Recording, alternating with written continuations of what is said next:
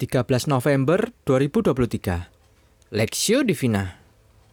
Kolose pasal 3 ayat 5 sampai 17 Karena itu matikanlah dalam dirimu segala sesuatu yang duniawi yaitu percabulan, kenajisan, hawa nafsu, nafsu jahat, dan juga keserakahan yang sama dengan penyembahan berhala.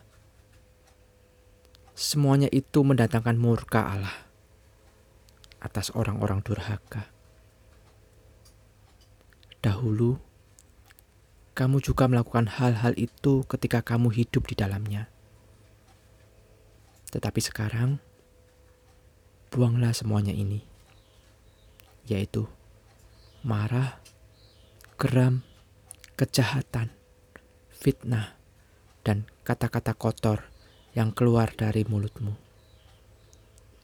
Jangan lagi kamu saling mendustai, karena kamu telah menanggalkan manusia lama serta kelakuannya, dan telah mengenakan manusia baru yang terus-menerus diperbarui untuk memperoleh pengetahuan yang benar menurut gambar kaliknya.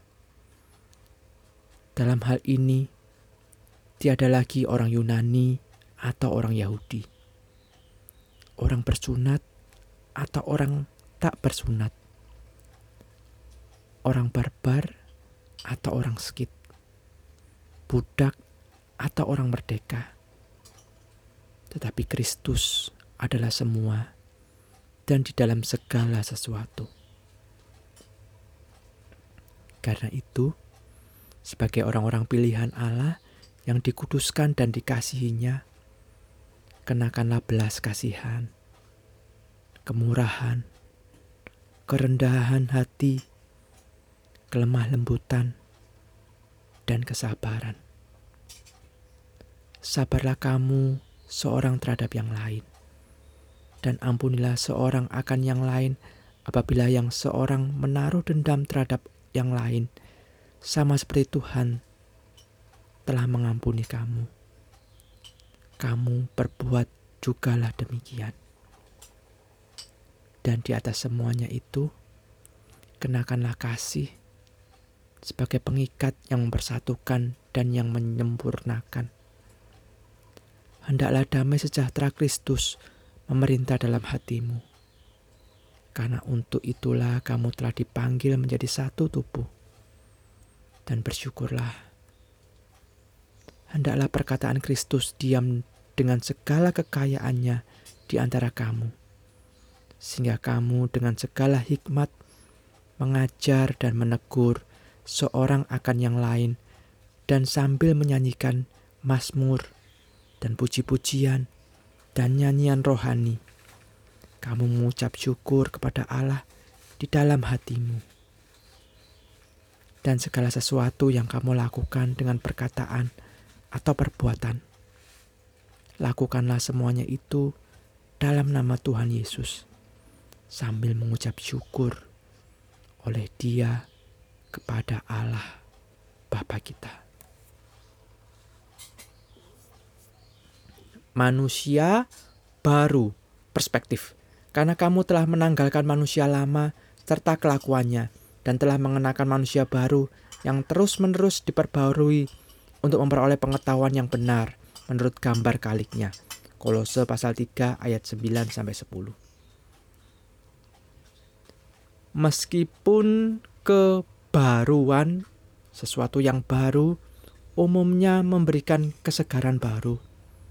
Tidak semua orang yang menyukai hal tersebut. Kebaruan ini sering dipandang merusak stabilitas dan kenyamanan yang sudah terbentuk sebelumnya. Maka tidak heran golongan orang ini cukup terganggu ketika terjadi pergantian kepemimpinan, perpindahan tempat tinggal, dan perubahan-perubahan yang lainnya. Adaptasi dengan situasi yang baru dipandang sebagai sebuah kerugian yang sedapat mungkin perlu dihindari.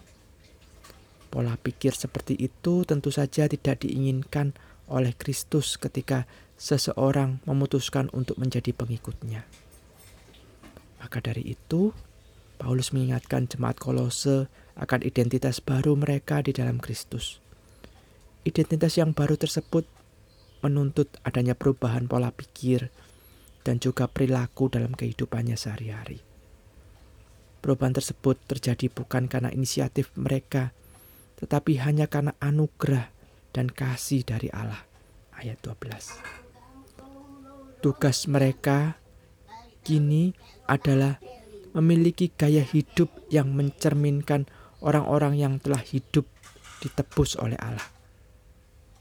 Dengan demikian, setiap perkataan maupun perbuatan mereka selain memuliakan Allah, tetapi juga memungkinkan mereka untuk mengenal dan menikmati Allah dengan ucapan syukur.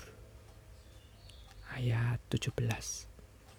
Identitas sebagai manusia yang baru tersebut kini juga diberikan kepada setiap kita yang telah percaya kepada Kristus sebagai Tuhan dan penebus kita.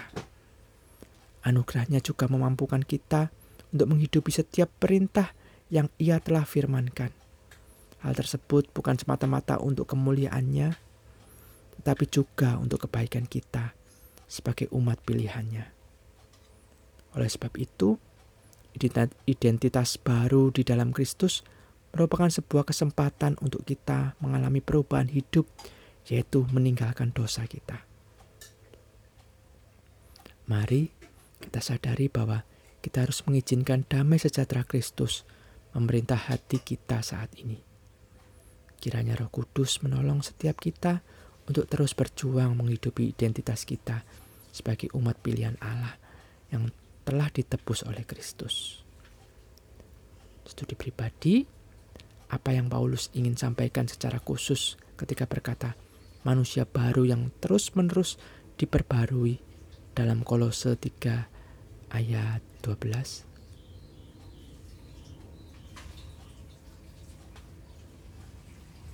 Pokok doa berdoa agar kasih Kristus sungguh dapat dinyatakan dalam komunitas gereja Tuhan di mana pun berada. Berdoalah agar setiap umat Allah selalu menghargai karya kesempatan Kristus, karya keselamatan Kristus bagi kehidupan mereka.